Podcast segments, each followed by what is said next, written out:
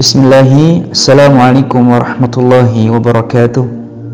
Allah subhanahu wa ta'ala berfirman Idfa' billati hiya ahsan. Tolaklah kejahatan itu dengan cara yang lebih baik. Rasulullah sallallahu alaihi wasallam bersabda Wa ini mru'un syatamaka wa ayyaraka bima ya'lam fika fala tu'ayyirhu bima ta'lam fihi fa innama wabaru dhalika alaihi yang artinya jika ada seseorang yang menghinamu dan mempermalukanmu dengan sesuatu yang ia ketahui ada padamu, maka janganlah engkau membalasnya dengan sesuatu yang engkau ketahui ada padanya. Akibat buruk, biarlah ia yang menanggungnya.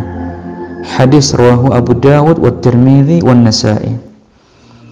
Sahabat yang mulia, Ibnu Abbas radhiyallahu anhuma mengatakan, Allah memerintahkan pada orang beriman untuk bersabar ketika ada yang membuatnya marah. Membalas dengan kebaikan jika ada yang buat jahil dan memaafkan ketika ada yang buat jelek.